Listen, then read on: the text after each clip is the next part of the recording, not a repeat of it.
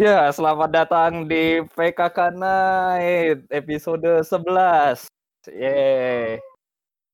Ya, 11? 11 kan kemarin berapa? Bukan 11. Eh, eh, berapa, Del? Berapa dah? 9. Eh, Oh, sembilan ya. sembilan. Ada, ada, ada, ada, ada,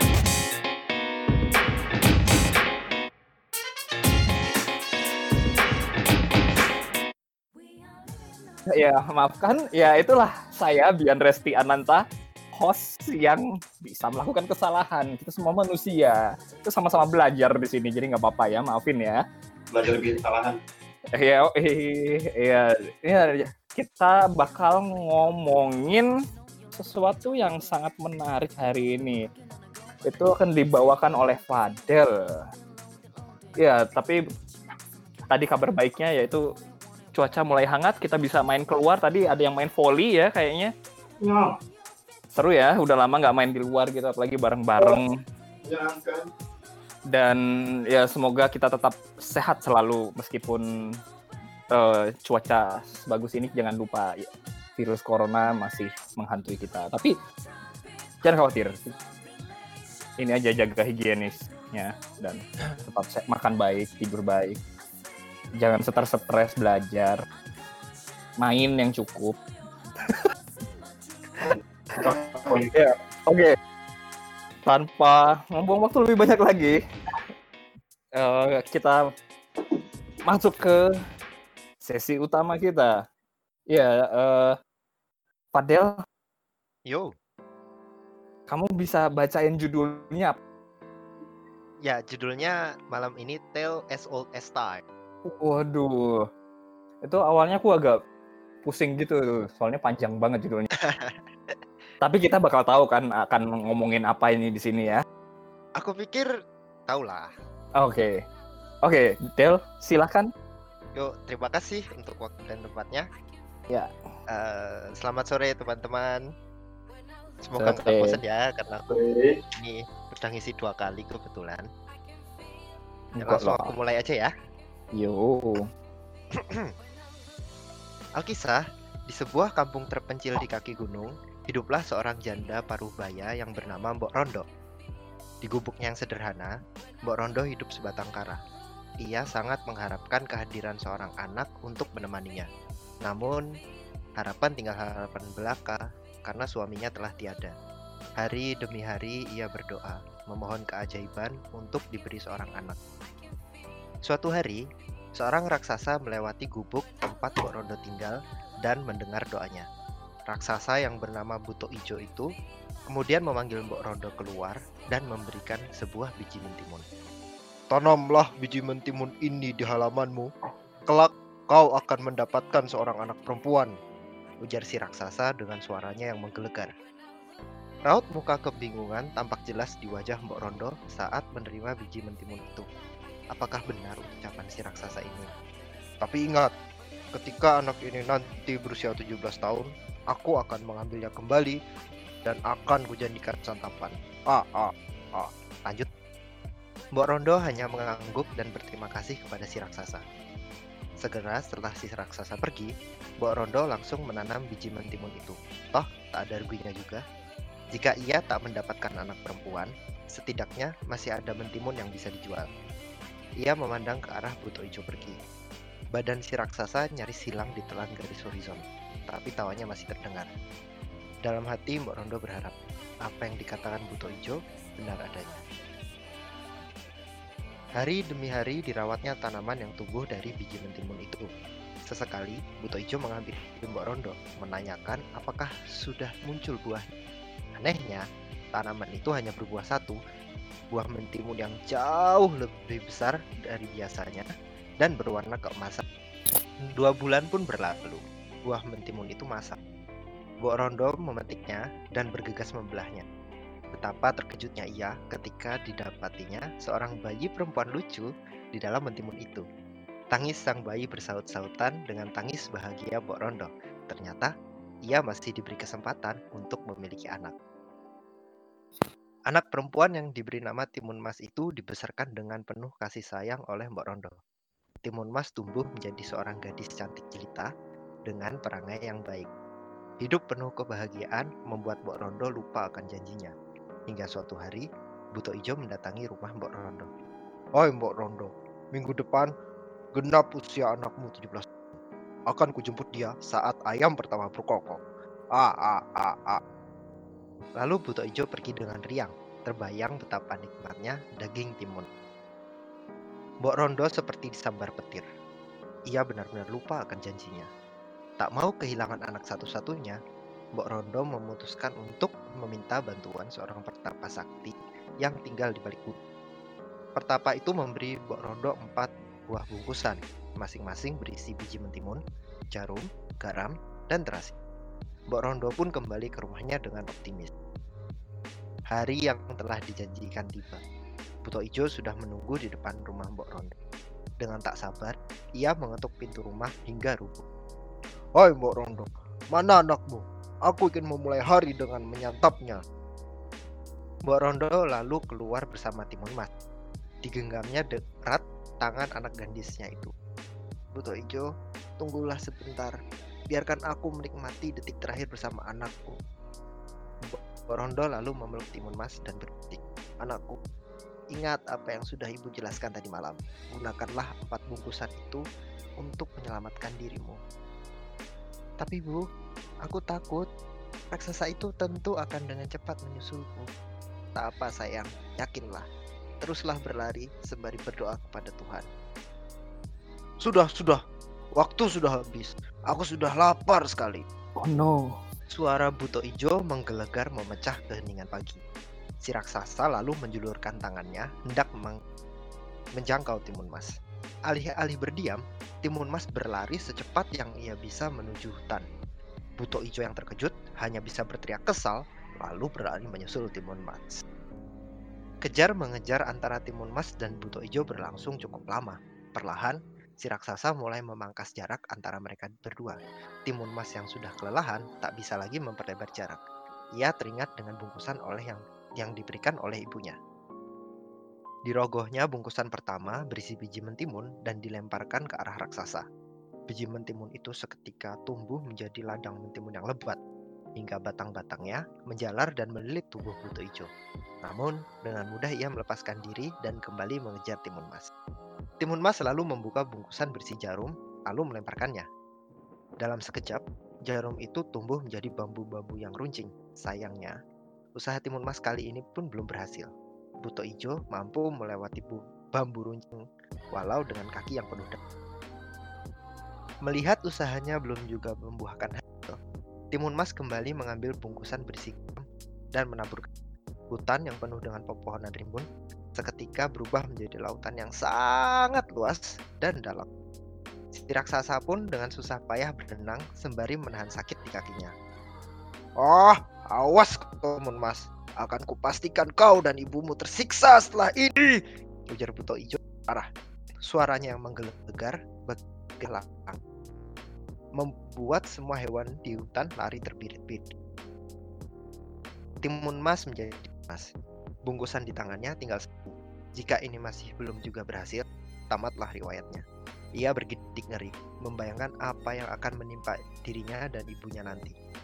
Digenggamnya terasi dari bungkusan itu erat-erat, sembari berdoa pada Yang Maha Kuasa agar diberikan keselamatan.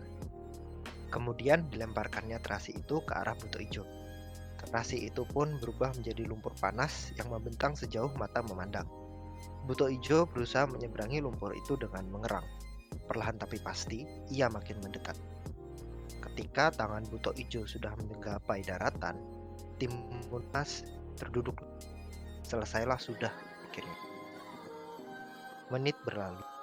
Tak ada tanda-tanda Buto Ijo menampakkan diri. Timun Mas memberanikan diri mendekat ke arah lumpur. Si raksasa telah tewas, tepat sebelum naik ke permukaan. Selamatlah Timun Mas dari kejaran Buto Ijo. Dengan sedikit tenaga yang dimilikinya, Timun Mas berjalan pulang. Mbok Rondo yang melihat anaknya dari kejauhan langsung berlari menghampiri. Sepasang ibu anak itu pun saling berpelukan dengan erat sembari meneteskan air mata bahagia.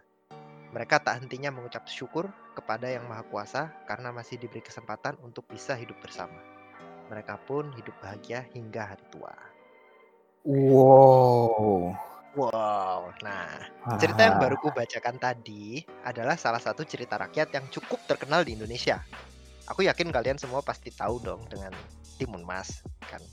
Nah, Iya. cerita rakyat seperti halnya legenda, mitos, dongeng itu merupakan bagian dari folklore. Sebelum aku ngelanjutin ya, boleh dong mikrofonnya dinyalain dulu. Ayo, ayo, mikrofonnya Mikrofonnya boleh Ya. dinyalain dulu. jangan di emut. Nah, Ah, Eh, nih, sebelum aku ngelanjutin ya, aku pengen tanya dulu dong ke apa sih yang terlintas di pikiran kalian? Kisah. Folklore, Kisah. folklore, folklore, Hero. folklore, fantasi, Dongeng. fantasi. Dongeng. cerita dari ngomong ke dari situ. Kisah kisah ini kisah penduduk daerah. Kita penduduk sekitar. Ya. Cerita, cerita rakyat gitu ya. Hmm. Tua. Betul, betul. Kisah Ini- pahlawan. Bener kalau misalnya teman-teman bilang folklore itu cerita rakyat, dongeng, lagu daerah, kisah, dan sebagainya. Tapi pakaian, candaan, proses inisiasi, makanan khas saat lebaran, terus habis itu kalau kita manggil apa si Fajar dengan nama Goci misalnya atau kita sering ih dari los ya itu juga termasuk dalam folklore. Hmm.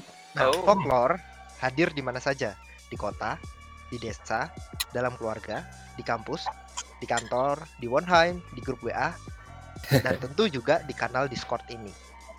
Jadi, folklore ini sebenarnya apa sih? Folklore adalah suatu bentuk kepercayaan, tradisi, adat, atau ekspresi yang sebagian besar disebarkan mulut ke mulut dan beredar di luar sentuhan komersial maupun akademis. Tiap kelompok yang diikat oleh tujuan atau minat yang sama, terlepas dari latar belakang tiap individu- individunya, memiliki tradisi yang bisa disebut sebagai folklore dari kelompok itu. Berbagai elemen yang mempengaruhi tradisi ini akan diserap dan berasimilasi melalui pengulangan dan variasi, sampai nanti menjadi nilai tersendiri dari kelompok itu. Atau Hmm. ada pengertian lain juga nih. Folklore adalah pengetahuan tentang dunia, tentang diri sendiri, lingkungan, kepercayaan, kultur, dan tradisi yang dipelajari secara informal serta diekspresikan secara kreatif melalui cerita, musik, tarian, tindakan, ataupun benda. Folklore juga merupakan media interaktif dan dinamis dalam berkreasi dan berkomunikasi ketika menyampaikan pengetahuan-pengetahuan itu. Nah, dari sini kita bisa mengkategorikan folklore menjadi beberapa ti- tipe. Yang pertama itu verbal. Yang termasuk di sini tentu segala folklore yang disampaikan secara oral, cerita, musik, prosa, pantun, candaan, tebak-tebakan, dan lainnya. Lalu yang kedua, material. Material ini folklore ber- berbentuk benda seperti makanan, bangunan, ornamen, hiasan, baju. Lalu terlepas dari permanen atau tidak, material folklore harus nyata dan berwujud, bisa di- diraba, bisa dipegang, dilihat, ataupun dimakan. Lalu yang terakhir, adat atau kebiasaan. Ini tindakan berulang atau cara melakukan sesuatu. Contohnya ketika perayaan keagamaan, tapi bukan eh, di bagian agamanya ya, tapi di bagian perayaannya seperti makanan apa yang ada di saat lebaran, bagaimana menghias pohon Natal dan lainnya. Bisa juga upacara inisiasi ketika masuk kelompok baru atau sekolah baru. Kan kok di sekolah dulu ada MOS ya, kalau di kampus namanya apa sih Bang Bian? Eh, ospek. Ospek, nah itu termasuk upacara inisiasi. Ya. Sed- sedangkan untuk kelompoknya bisa dibagi menjadi lima. Yang pertama, occupational atau organizational folk. Contohnya, ini contohnya jelas di tempat kerja ya, paling gampang ya. Misalnya ada si A yang kelakuannya nyeleneh nih. Terus nanti kalau ada anak baru yang masuk kantor, punya kelakuan mirip, pasti dia dibilang, eh itu si A 2.0 gitu misalnya. Atau di kantor tiap hari Jumat pakai baju kasual, makan siang bersama tiap tanggal sekian itu juga bisa. Lalu yang kedua ada religious folk. Ini kebiasaan yang muncul dari kelompok beragama, tapi bukan ritual resminya. Seperti ya tadi udah aku udah bilang juga ketupat atau kue kering yang identik dengan lebaran. Lalu yang ketiga, ini yang kita kita sedang berada di sini sekarang, itu kampus folk.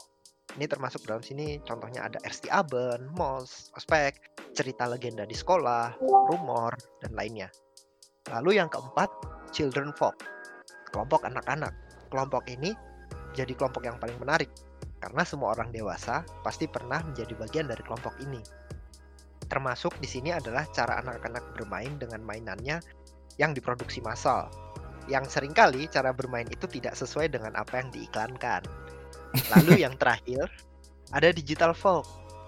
Interaksi daring bisa menjadi dasar pembentukan folk group. Ini bukan folk group luring yang juga eksis mela- eksis daring melalui grup WA atau kanal Discord, tapi grup yang memang hanya eksis secara daring dan memulai interaksinya, pembentukan grupnya itu pun secara daring. Contoh ketika kita jadi pengikut dari salah satu subreddit atau kita ikut salah satu thread atau forum di Kaskus, terus di grup eh, mungkin ini juga apa kanal Discord kita ini bisa dibilang salah satu bagian dari digital folk ya. Terus bagian dari digital folk itu juga memes itu juga bagian dari folklore loh. Ternyata sadar tidak sadar kita udah jadi bagian dari folklore. Bagian dari hal yang awalnya kita anggap ketinggalan zaman dan sudah tidak relevan lagi. Bukan hanya menjadi bagian dari folklore, ternyata kita juga turut berperan dalam pembentukannya. Folklore merupakan tarian yang dinamis antara lestari dan inovasi. Ia abadi. Mungkin narasinya berganti, tapi inti dan maknanya tetaplah sama. Ruh manusia boleh tanggal, tapi kisah-kisahnya akan tetap tinggal. Folklore itu setua manusia, mengiringi, mengiringi manusia dalam tiap langkahnya di dunia.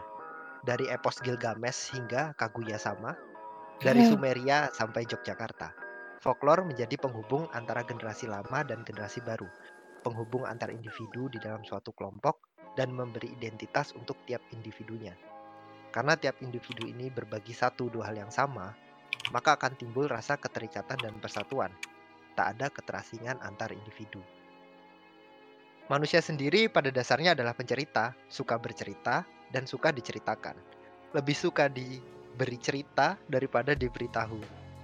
Folklore menjadi media yang tepat untuk memberitahu manusia lewat cerita-ceritanya. Di beberapa tempat yang rawan bencana misalnya, biasanya ada lagu atau kisah pengantar tidur yang menjelaskan tanda bencana atau apa yang harus dilakukan ketika tanda bencana itu muncul. Atau juga ia mengajarkan bagaimana seorang anak bersikap kepada orang yang lebih tua. Kelompok manusia akan membentuk tradisi dan budaya mereka masing-masing dan pembentukannya akan dipengaruhi oleh bahasa, kondisi geografis, kondisi sosial, dan lainnya. Folklore berperan sebagai pembawa kultur, budaya, nilai, dan norma, serta penjaga identitas dari suatu kelompok. Maka ia juga menjadi media termudah untuk mempelajari nilai, norma, dan cara hidup suatu kelompok tersebut. Nih, terus kebetulan Uh. nih kita yang hadir di sini punya latar belakang budaya yang berbeda, asal tempat rumah yang berbeda, dari suku yang berbeda.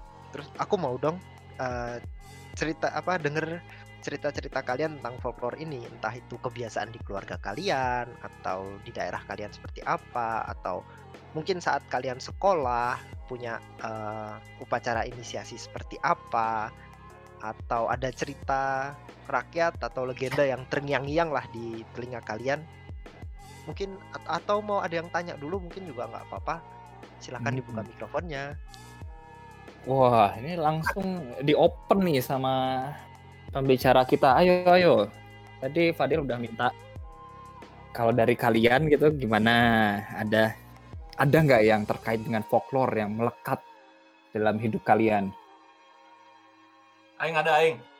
Oke, Ah, oke. boleh boleh boleh Boleh, boleh. anak geng nih Oh, bener juga nih. Kalau jarang-jarang ya denger-denger ya aing ya.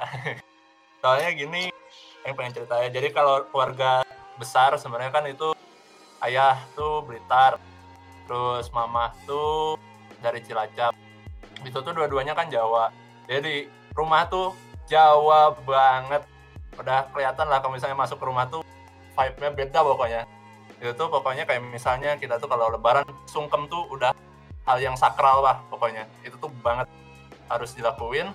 Terus masih ya kalau di Jawa juga kayak misalnya papa sama mas tuh dari kecil tuh udah nanemin gitu kalau misalnya masyarakat Jawa, tapi ini yang aku tahu ya masyarakat Jawa tuh menanam sebuah kepercayaan dan pandangan di mana seorang anak nggak boleh eh seperti apa ya? Bukan durhaka tapi seperti ngelawan aja gitu. Kalau misalnya dikasih tahu itu sebenarnya nggak boleh itu. Itu tuh kayak ntar tuh dianggap sebagai yang tidak benar dan ntar kelak tidak akan sukses. Kayak gitulah. Intinya mah kayak gitu. Itu doang sih pengen cerita kayak gitu. Yang lain Itu- boleh tahu. Itu disampaikannya ke kamu eh, dalam bentuk nasihat atau dalam bentuk cerita? Kayak misalnya kan ada kisah kayak Malin Oh, iya. Kundang kita kan. Oke. Kan Ini kita tahu ya. Eh, ceritanya menarik sih.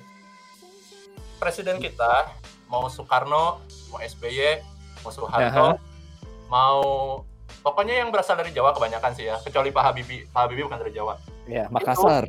Ibunya Hah? orang Jogja. Oh, Pak Habibie bukan orang Jogja gitu? Eh, bukan orang bukan orang Ibunya Ah, orang Goron- Jogja. orang Jogja. Gorontalo ya, Gorontalo. Iya, Ibunya, saya bilang ya, kecuali Pak Habibie kan yang bilang tadi. Iya, aku cuma Oh. bilang ibunya gitu loh. Tahu Oke, kan? oke, oke. Terus jadi gini, sebelum apa pun event besar yang dilakukan para presiden, itu tuh presiden selalu minta restu ke ibunya dan minimal tuh eh pokoknya min- minimal tuh minta minta restu. Kalau enggak kalau masih bisa ketemu ibunya tuh pasti sungkem pasti itu. Itu pasti. Papa tuh selalu bilang kayak gitu. Makanya kalau di, sebelum ke Jerman juga kalau aku pulang sebenarnya pasti sungkem dulu ke mama kayak gitu Gitu sih. Ah, jadi jadi cerita dulu jadi Presiden Soekarno sebelum event besarnya tuh misalnya mau ke mana gitu ada mau apa mau pidato ada apa minimal dia minta minta minta apa minta restu kalau misalnya masih ada waktu dan tempat kayak gitu dia pasti sungkem ke ibunya gitu mau SBY juga Soeharto juga semua pokoknya yang dari Jawa wow. Itu kayaknya maksudnya buat orang buat orang Jawa ini ya apa? Nilai pakem yang ditanamkan. ah, Iya. kayak orang tua tuh nurut banget kayak gitu pokoknya sama orang tua harus nurut Iya. banget sama orang tua ya. Oke, itu mantep banget sih. Itu juga ter- tercermin banget sih di di Indonesia, khususnya kalau tinggal di Pulau Jawa itu bener kayak gitu sih. Nah, kalau yang lainnya lagi, ayo ada yang lagi yang mau be- berbagi folklore yang bekas atau ya itu tadi part dari folklore karena itu juga nasihat. Ada yang lain lagi? Jangan malu-malu dong. Oke, kan kalian punya banyak cerita nih. ya. Bagaimana cerita tentang Pulau Samosir dong? Oh, Itu seru Oh. banget ceritanya. Oke oke, Mbak Rima Pulau Samosir nih.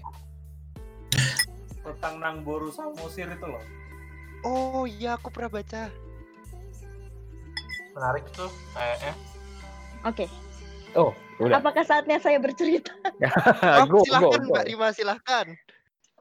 Tapi ini ceritanya kayak yang tadi dibilang kan, kalau misalnya folklore yang aku tangkap kayak em, cerita oral gitu kan, dari mulut ke mulut gitu kan. Ya.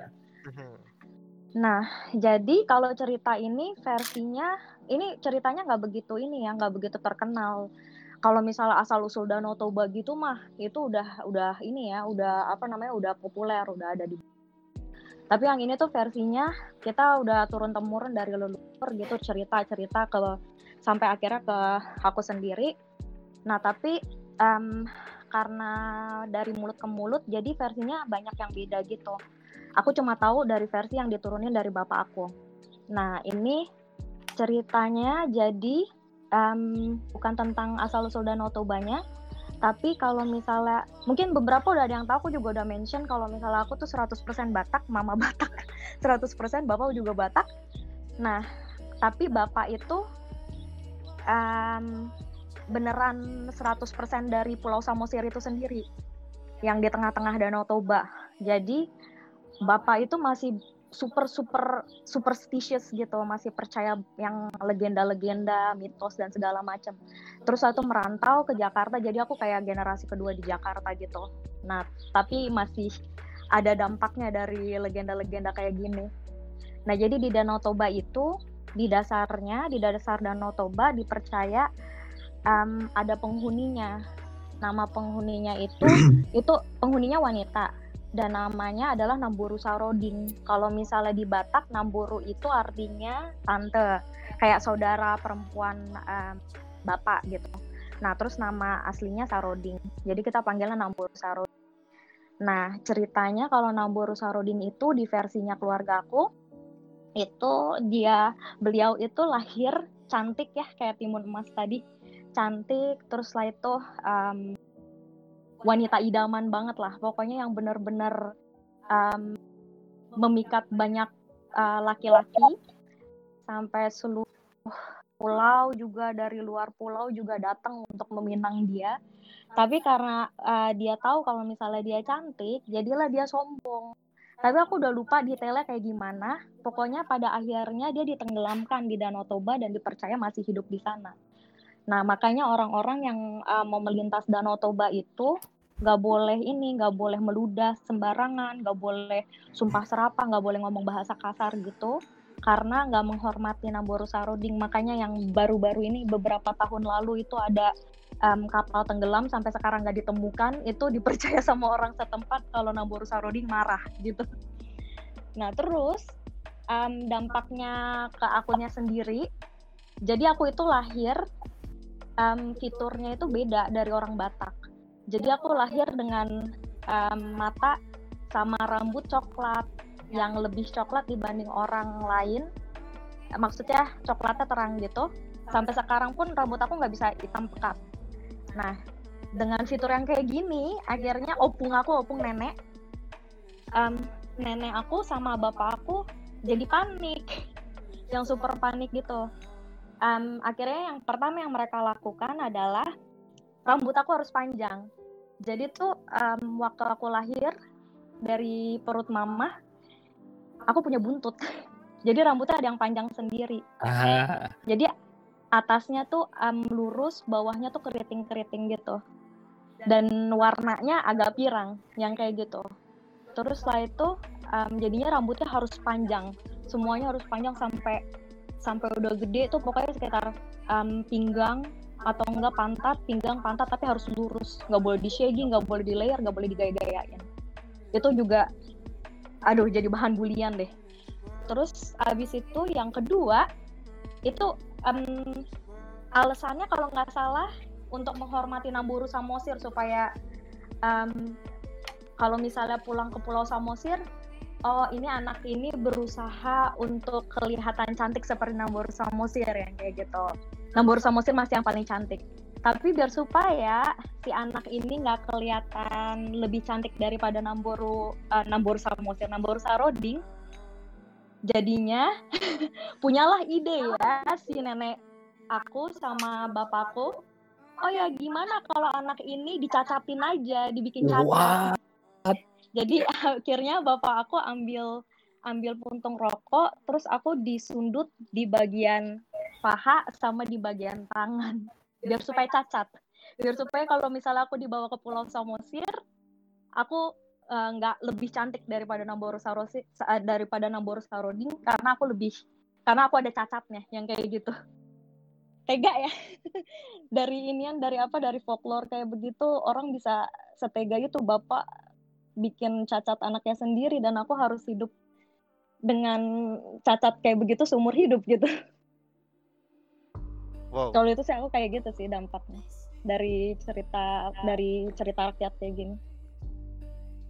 Wah itu keras sekali ya ngefeknya ternyata. Ekstrim juga. Keras, iya.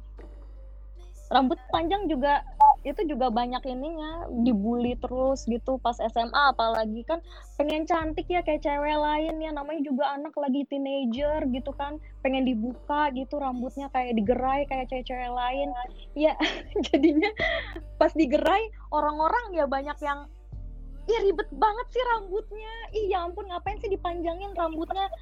Panjang-panjang banget rambutnya. Ini aja apa namanya hitam aja kagak yang kayak gitu ya gimana mau hitam kan emang udah lahirnya kayak gitu.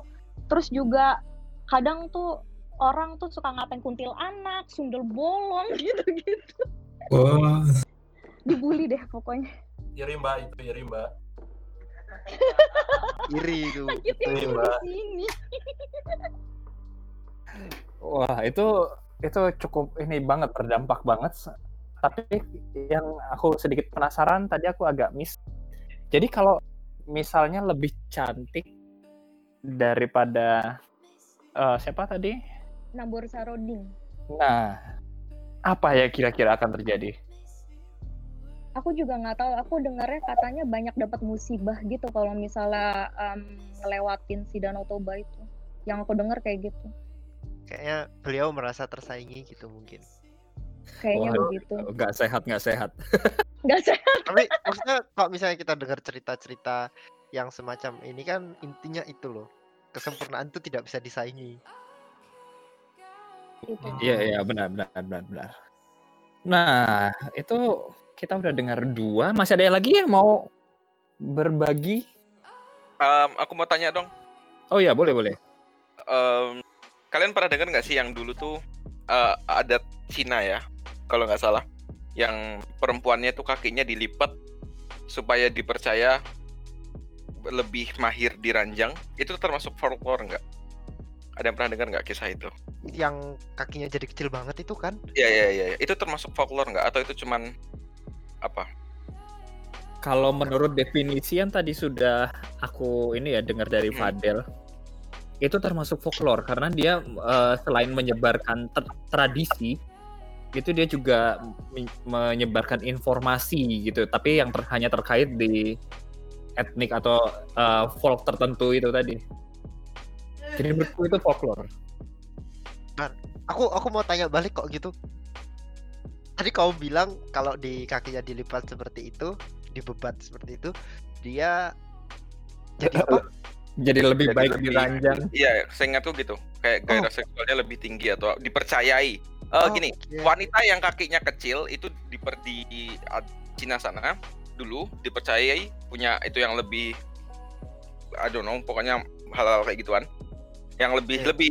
Nah, terus ini kayaknya nget supaya ini ya, supaya si, si si mungkin si orang tuanya mikir supaya supaya anaknya dididik sama bangsawan atau orang kaya dibikin kakinya kecil yaitu dengan cara di tahu kan ya dilipat kayak nanti dia tuh kakinya kayak di di pokoknya itu caranya serem banget Iya. kakinya tuh dibeler habis itu dikasih perserpihan kaca habis itu ditekuk Au. habis itu pakai sepatu yang betul-betul sempit dari kecil dari umur lima tahun apa tapi pas Ah. sampai mereka nanti dewasa mereka jadi cacat nggak bisa jalan Seriusan seriusan jadi Iya, seriusan jadi jadi cacat itu. iya iya jadi cat generasi permanen. generasi terakhir tradisi itu masih hidup di kala aku nonton dokumenter Oh no. Tapi ya yang aku tanya kayak gitu tadi gara-gara ini loh. Aku tahu ceritanya, cuma aku nggak tahu kok dia tuh spesifik di bagian ranjang ya. Aku taunya itu yang aku Eh. denger itu yang aku denger setangkepku sih gitu oke. tapi bukan itu bikin itu cuma Iya iya, aku tahu. dipercayai yang kaki Dipercayai kecil seperti itu. yang kaki kecil itu dipercayai kayak gitu nah terus mereka tuh kayak mau nipu-nipu gitu nah Heeh. Aku ini apa namanya? Taunya malah mungkin karena ini ya versi yang agak di lebih halus gitu. Itu Hah? adalah standar kecantikan. oh Iya. Aku tadi mikirnya juga itu. Karena kan kalau kakinya kecil terus kayak ukuran kalau cewek itu kan yang mini-mini biasanya lucu gitu loh. Cute, jam tangan mini, sepatu mini. ini Kalau ini dibanding udah laki-laki ya. lama banget mungkin aku Ya. bisa misinformation kalau kalian niat kalian bisa coba search sendiri cuma seingatku Oh, uh, oh, from the top of my head itu yang yang aku ingat yaitu Eh, dipercayai kayak gitu tapi kalau Iya, Fadel. Oh, aku. Nggak, aku cuma mau bilang aja ini jadi apa namanya? Kalau misalnya aku sama Bang Bian tadi nganggapnya kan standar kecantikan gitu ya. Iya. Standar kecantikan itu bisa nggak sih ya kalau misalnya dianggap folklore juga? Menurut aku bisa. Kayak tadi yang diceritain sama Rima, itu kan jadinya akhirnya ngaruh ke ke ke keadaan fisik dia gitu, keca kecantikan dia harus rambut kayak tadi gitu. Misalnya itu kan jadi kayak standar kecantikan. Kurasa bisa sih ngaruh. Iya sih ya. Hmm, Maksudnya itu bisa disebut folklore juga kalau itu bersifat dari tradisi tertentu gitu. tapi ya kalau standar kecantikan sekarang kayaknya udah internasional nggak sih Nah, ini menarik kalau kita mau bahas ini kita bisa bakal panjang lagi karena ada riset tentang standar kecantikan itu sendiri. oh Aku punya materinya. Aku juga punya materinya kalau Oh itu. tidak. Kurasa hampir semua fotografer punya materi ini. Iya. Oke, ini tapi itu eh, ya gitu itu panjang kalau kita ngomongin kalau standar kecantikan itu Ini sudah jadi internasional di, di obsession. Oke, kita sudah dengar tiga sekarang terima kasih nih infonya jadi jadi internasional nih ya. Tapi kalau ngomong-ngomong soal internasional, aku boleh hmm, ini nggak bersuara sedikit nggak? Silakan. Kan tadi kita udah beralih internasional ya, bukan cuma di Indo. Sekarang tadi aku tiba-tiba kepikiran gitu kalau eh gimana ka- kalau kasusnya di benua Amerika sana gitu. Di khususnya ini ya Amerika Serikat ya sekarang ini USA gitu. Kan dulu di situ ada Ain Wanderung itu apa na- bahasa Indonya? Pendatang. Oh iya, penda- ada pendatang Ain Wanderer. Nah, itu kan dari Eropa mereka ke ini ya ke ke benua Amerika ini. Terus seiring berjalannya waktu si folklore dari atau tradisi-tradisi dari Eropa ini sedikit demi sedikit sudah mulai hilang gitu. Ya kita di sini eh, jangan jangan apa ya bingung atau confused sama native folklore itu atau tribal story-nya eh, native American yang di sana. Kita ngomongin eh, orang pendatang tadi. Nah itu mereka kayak sedikit demi sedikit kisah-kisahnya itu hilang. Tapi yang menarik mereka men- menciptakan sebuah eh, apa ya folklore mereka sendiri gitu. Yang relatif umurnya menurut aku lebih muda dibandingin kisah-kisah yang sudah kuno-kuno dulunya. Itu itu termasuk kayak urban legend atau musik oral history jokes popular beliefs tales in the group or something ya. Nah gitu. Jadi menurut kalian itu possible nggak? Sesuatu folklore bisa mati tapi nanti lahir lagi yang baru?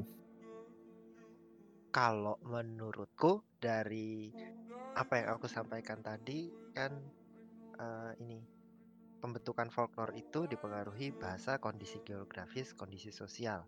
Pendatang ini em, datang ke Amerika sebagai kelompok baru, kelompok sosial baru. Mereka kan nggak nggak cuma dari Inggris doang kan, mereka juga dari ya negara Eropa-Eropa lainnya.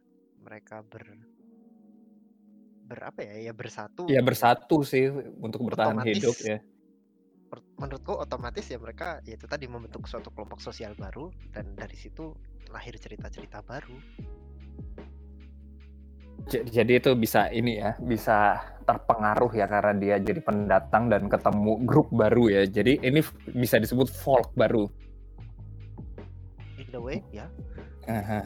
nah kalau begitu kalau kalian he, kita mayoritas di sini ini ya perantau.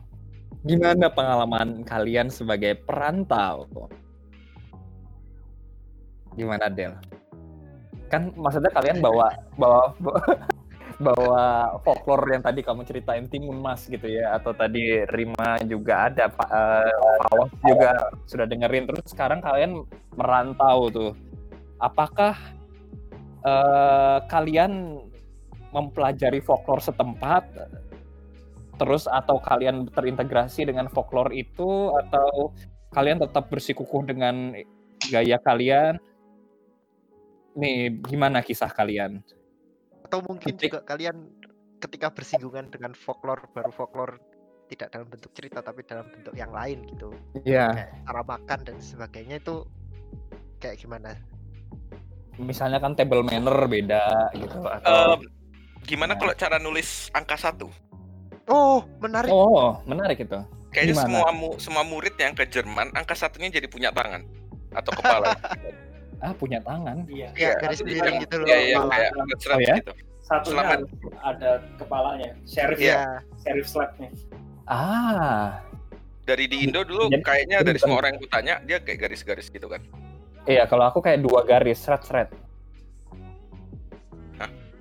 Jadi iya cuma diagonal terus vertikal oh iya Oh. dari di Indo itu kamu kayak gitu. A- eh, ya itu aku belajar sejak belajar gambar teknik ya. Jadi kalau di teknik angka satunya kayak gitu. Oh. Tapi aku Kalau enggak aku ya. Oh ya? Aku satunya dulu ya garis udah. Atau kalaupun ada serif slabnya itu hanya kecil. Serif slab itu yang ini yang Yang diagonal. topinya itu. Ah, Iya biasanya kan kecil kan ya kalau di Oh. Indo. Iya. Ada Kalau di sini gede-gede gitu. Sangat broadleaf gitu, sangat jelas. Oh, jadi yang aku anut ini sebenarnya udah kayak yang di sini gitu ya. Yang kalian maksud satunya cuma garis gitu doang. Atau kecil. Ya Atau Iya. kecil sih Oh, slab. kecil, atau Ah. kecil.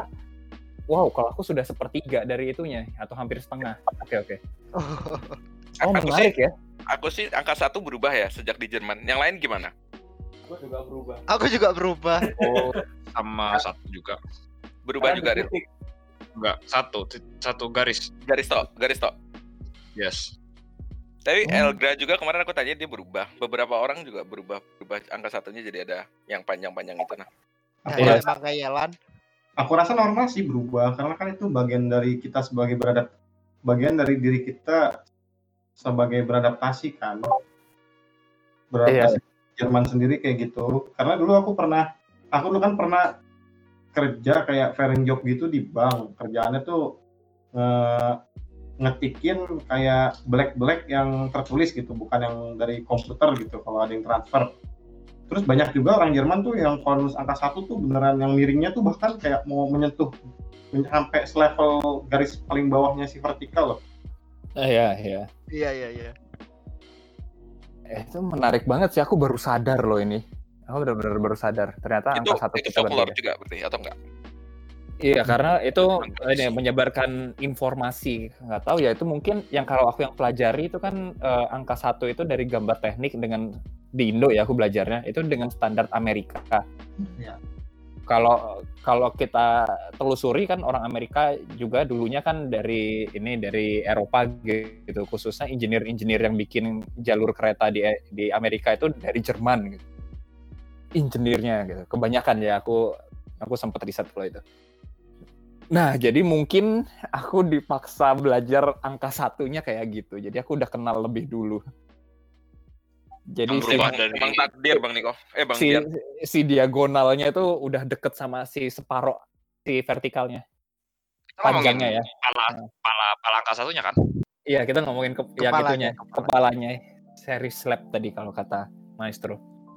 Oh, istilahnya itu ya. Yang berubah dariku cuma Z doang. Gue kasih ban pinggang biar gue takut kalau lagi dicek sama Betroyer dia nggak mengira itu angka dua Iya. karena banyak hitungan yang udah banyak variabel sama angkanya sama angka tujuhnya juga gue kasih ban pinggang biar nggak biar bisa dibedain sama satu tapi cuma itu doang sih tapi bukan gara-gara ke Jerman gara-gara gue takut mereka salah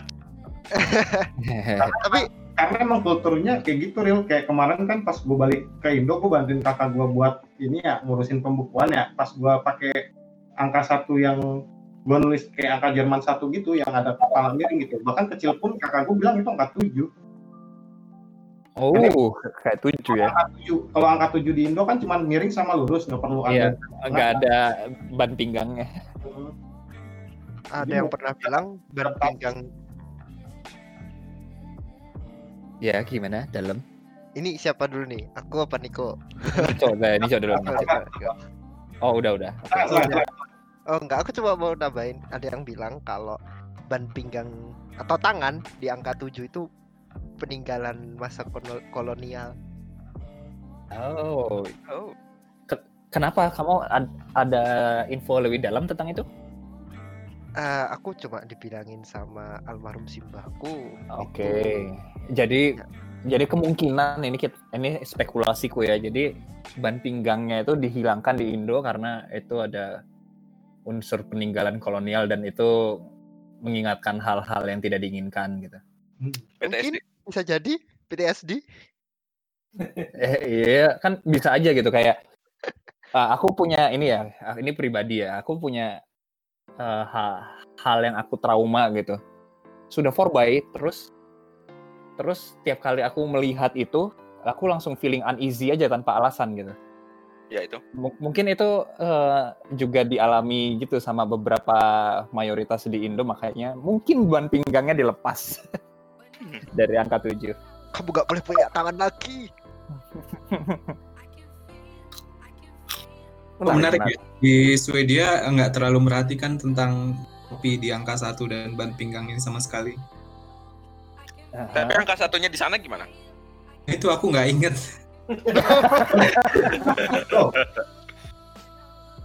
Ini tulisan tangan atau tulisan cetak? Tulisan tangan kan? Tulisan tangan, tulisan tangan. Coba Repot, mungkin guys. Lagi nyari, lagi nyari ini, lagi nyari. lah lagi nyari ya. mungkin aku kalau mau menambahkan jadi mengenai sistem penulisan tangan di Jerman itu itu ada standarnya. Jadi orang Jerman kan mungkin senang standar ya. Jadi ada beberapa bentuk font bentuk font tulisan tangan yang memang didesain dan kemudian diajarkan di sekolah. Nah itu ada yang bentuknya kursif dan ada yang huruf huruf balok ya kalau sekarang gitu. Iya. Kapital. tidak disambung. Kalau kursif itu yang di yang disambung. Nah, itu di sekolah Jerman itu di standar di jadi empat angka Hmm. salah satu yang terakhir yang pertama itu namanya Hamburg Standard Bang. Jadi Hamburg standar. Coba dicek ya. Ya nanti kita coba. Jadi memang ada standarisasi bahkan penulisan tangan. Dan itu berganti dari periode ke periode.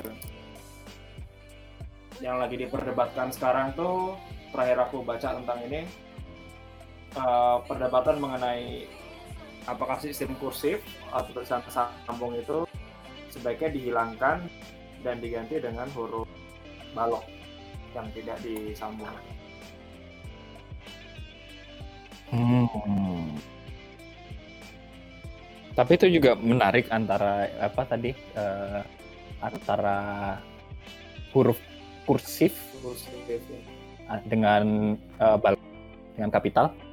Aku dulu diajarin selalu tulis dengan huruf kapital. Bentar, kalau kapital tuh maksudnya huruf besar. Huruf besar ya huruf balok ini. Ya jadi tapi huruf besar. Supaya Oh. supaya nggak nggak eh tapi ini konteksnya di engineering ya. Supaya nggak nggak ada kesalahan antara misalnya huruf i sama l. Kan sama-sama garis gitu ya. Sedangkan kalau huruf kapital huruf balok itu udah pasti i itu kayak gitu l ada kakinya. Ya dan makanya sejak sejak saat itu aku kalau nulis huruf kapital terus cuma beda ukurannya aja kalau dia di depan ya huruf A-nya misalnya lebih tinggi daripada A yang kalau dia di tengah gitu. Kayak ada ya Tipografi namanya small caps. small caps, small cap. Caps. Kalau kalau baca itu sambil marah-marah nggak? Pertanyaan menarik. Oh, Kal- kal- kal- Marah-marah. Kalau itu ukurannya sama semua gitu. Wah, kalau ini aku tetap ada besar kecilnya cuma ditulisnya kapital. Dan ngomong-ngomong soal tadi ada uh, Jerman suka standar. Aku baru aja search dan ada DIN nomor 1451 itu tentang penulisan, standar penulisan. Mungkin itu jadinya kenapa orang Jerman hurufnya jadi hampir sama semua. Saya itu. Hmm, hmm, hmm, hmm. Eh dan ya ada standarnya. Standar dongeng. Biasa Jerman. Biasa Jerman. Faktur ya.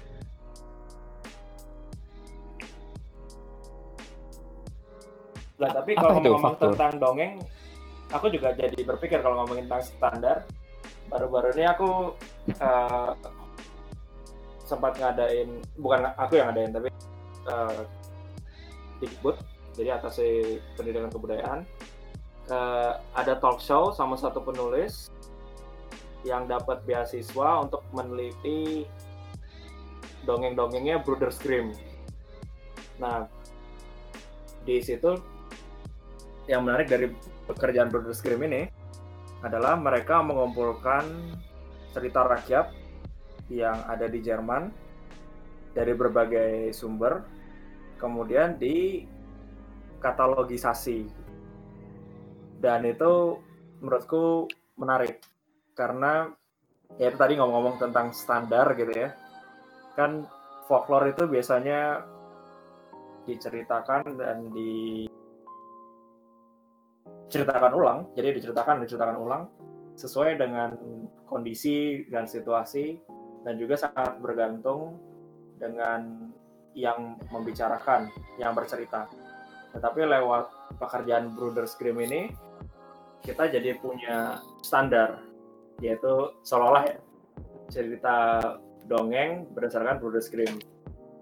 Nah, tapi kemudian yang menarik, karena tadi sempat disinggung Amerika Serikat, aku jadi teringat film-film uh, kartunnya Disney. Disney kan beberapa ceritanya kan berdasarkan Brothers Grimm. Iya. Tetapi ceritanya seolah-olah dibuat lebih ramah buat anak-anak. Iya.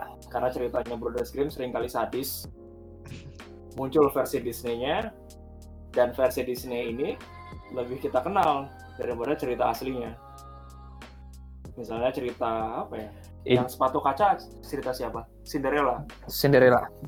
Nah, Cinderella nggak diceritain tuh kalau di akhir cerita dia nyuruh ibunya, ibu tirinya itu pakai sepatu yang Sebesar terbuat dari besi panas Iya. dan disuruh menari sampai mati.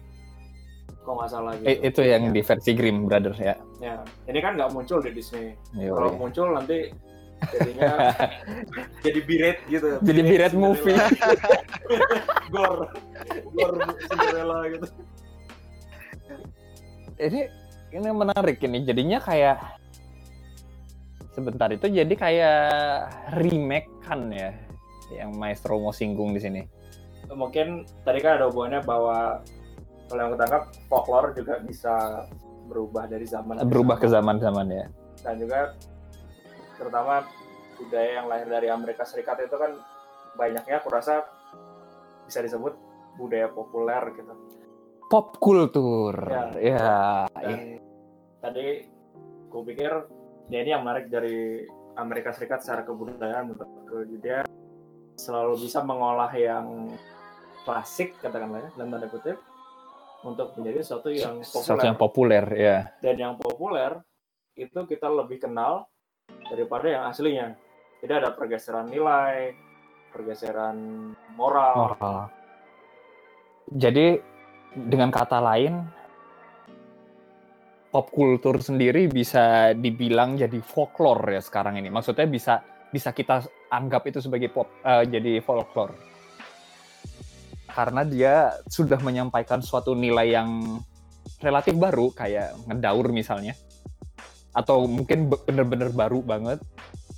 Eh, nggak tahu ya, maksudnya aku sayangnya nggak mendalami ini. Oke. Tapi kalau yang aku tangkap pop culture selalu punya hubungan dengan kapital kalau menurut gue. Banget It- itu selalu berhubungan dengan hal komersil. Wah, Nah, Jadi mungkin beda di situ kayak folklore kayak Timun Mas tadi. Timun Mas kan nggak ada yang istilahnya nggak ada yang mengambil untung kapital gitu. dan kita bisa mengambil moral ceritanya dari zaman ke zaman. hmm. Tapi mungkin kayak budaya pop Transformer gitu ya. Transformernya Michael Bay tapi bukan Transformernya yang Yang kuno. klasik Ya, yang, ya. yang Jepang. Nah itu kan kita sulit gitu mau ngambil moral Apa? karakternya awur-awuran gitu kan. Ya. Nggak semua orang setuju dengan nilai yang tampak di film itu. Kayak semua-semua diledakin. Nah, Kan film Michael Bay kan harus meledak. yo Nah, apa-apa dikit-dikit meledak. meledak. Mobil kesenggol meledak. Terus kita kesenggol doang. terus Optimus Prime-nya kelihatan ya maco gitu ya. Jadi sedangkan mungkin, eh, bayanganku tentang Optimus Prime nonton yang versi Jepang lain gitu. Figur bapak kalau yang, Mhm. yang lama Mengayomi anak-anaknya ya. melindungi Autobots. Sedangkan kalau yang di Michael Bay kan maco. Ya lebih ke Krieger ya, tarung lah gitu. ya kayak petarung bentar-bentar main sahabat Ada. misalnya ya itu menurut menurutku Tapi ini aku jadi menarik nih. Kalau kita kita nggak bisa memang susah yang ngambil nilai dari yang kayak gitu gitu. Tapi apakah Santa Claus itu pop kultur yang menjadi folklore? It- Iya. itu itu Santa Claus yang kita kenal yang pakai baju merah dan putih, perut buncit, Ho, ho, ho. ya ho ho ho. Itu itu kenapa merah putih? Itu karena komersil. Kita sebut saja brandnya Coca-Cola. Itu dulu eh, apa namanya Werbung. Werbung itu Iklan. iklan, iklan. Ya, iklan pariwara. bet pariwara. Pariwara. Ya, itu itu pariwara dari Coca-Cola saat Natal. Di nggak tahu tahun berapa. Eh, kuno banget lah. Tapi akhirnya orang tiap tiap Natalan selalu merah putih dan selalu ada topi Santa itu dan kita kenal banget itu selalu ada itu tiap tahun. Itu dari aku kecil, dari aku lahir selalu ada topi merah putih itu. Nah, itu apakah itu bisa dibilang folklore? Karena dia memang nggak menunjukkan nilai apa-apa cuma kita selalu pesan Natalnya yang di di ituin apa ditekankan gitu. Tapi kan si Santa merah putih ini mewakili Coca-Cola untuk menyampaikan pesan-pesan itu. Sehingga orang jadi bisa kayak mendapat oh dia warm dia bagi-bagi hadiah untuk anak baik. Kalau Sebelum kalau Oh gimana? Mau Terus- Fawas dulu? Kamu kamu kamu. Kalau buat Santa Claus-nya sendiri yang bentuknya merah putih, orangnya berjanggut, perut buncit. itu perut buncit. mungkin perut buncit, mungkin enggak. Eh setauku untuk ime apa namanya gambaran Santa Claus seperti itu kayaknya bukan dari Coca-Colanya, tapi andil Coca-Cola dalam Santa Claus ini adalah dia yang eh menstandarisasi mungkin atau bikin apa ya? Bikin orang kalau denger Santa Claus itu denger apa yang disampaikan apa yang dipinjem im- eh, gambar yang dipinjem sama si Coca-Cola ini gitu loh.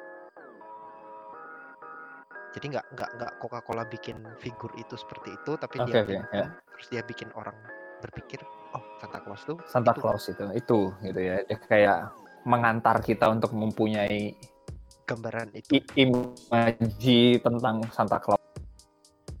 Iya. Eh mena- menarik so- soalnya Natal itu jadi ber- sedikit bergeser maknanya dari kelahiran Yesus Kristus tiba-tiba jadi Santa Claus bagi-bagi hadiah.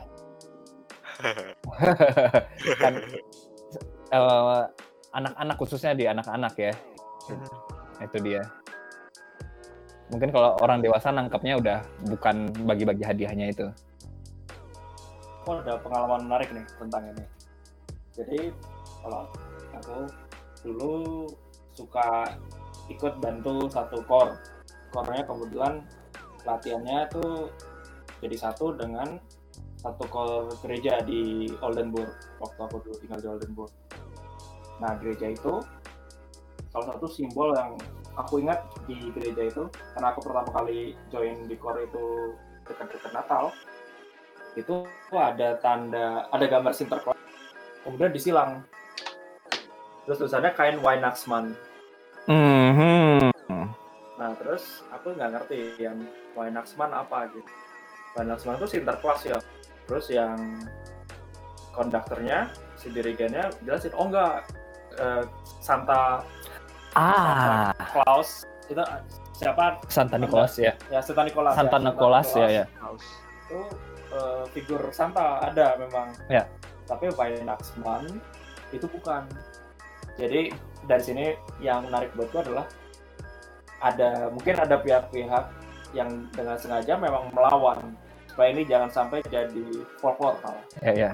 kayak dilawan supaya jangan jadi tradisi karena menurut keyakinan mereka ini salah. Maka, makanya di bahasa Jerman ini terpisah ya Santa Nik- Niklaus Nah, Santa sama Niklaus. Weihnachtsmann. Ya, Eh, eh, aku baru sadar tuh sekarang. Ya ya ya benar. Weihnachtsmann kan mungkin kesannya jadi apa manusia Natal gitu. Iya ya. Mas-mas Natal. Mas-mas Natal lah bagi-bagi hadiah. Benar benar. Tapi sayangnya aku sampai sekarang belum pernah dengar sih di Amerika ada ya namanya itu sendiri sebagai Wanaxman gitu. Nggak ada. Nggak ada, makanya disebutnya itu Santa Claus kalau di Amerika. Setauku ya, menurut temanku yang tinggal di Utah. Diterjemahin jadi bahasa Inggris juga jadi konyol. Iya, Christmas person, Christmas, Christmas man. Christmas man ya. Itu superhero apa gimana? Oh yes yes yes. Jadi wah kita dari ngomongin bener-bener tadi dari awalnya Fadel ngomong Timun Mas sampai sekarang kita ngomongin pop kultur ini Wanaxman kita sebut sebagai Wanaxman sekarang supaya tidak uh, confused dengan Santa Claus. Iya tadi itu semua kita gara-gara ngomongin folklore ini Del ya. ya di mana folklore itu terbentuk bisa dari verbal atau material ya dari fisik atau eh, tradisi tradisi yang turun turun temurun gitu ya dari adat ya. Betul. dan pengkategoriannya itu tadi bisa ada di organisasional folk religius kampus bahkan. Itu itu menarik aku baru tahu kampus. Children itu ya. Digital ini menarik juga itu juga buat aku baru digital folk. Itu peng- pengkategorian yang sangat bagus dan menurut pengalaman yang tadi sudah dibagi sama Goci tentang kalau orang Jawa harus manut gitu ya kalau nggak nanti durhaka itu nggak akan sukses ke depannya atau dari Rima tentang buru samusir oh eh Saroding, Oke, Saroding. buru Saroding yang ternyata sangat berpengaruh juga dalam hidupnya Rima secara pribadi. Atau bahkan yang tadi kayak kisah yang diceritakan oleh eh, Fawas di Cina itu juga mempengaruhi banget nasib anak ter- perempuan tersebut itu itulah efek dari folklore. Dan kita tadi juga udah diskusiin juga tentang eh ya evolusi folklore itu sendiri gitu ya. Itu bisa terjadi. Jadi dia bisa dibilang mati lalu hidup kembali sebagai yang baru. Jadi banyak banget ini. Ternyata apa namanya ya peran folklore dalam hidup manusia entah itu dari zaman dulu sampai sekarang. Bener kata yang tadi Fadil bilang. Aku ada yang unik lagi satu ini. Pokoknya Eh, sebentar ya Ci ya. Oh, kita ini. kita tutup dulu Kita sesi tutup ini. Yeay! terima kasih Fadil sudah membawakan tema yang sangat ini ini ringan tapi bagus karena kita semua bisa terlibat di dalamnya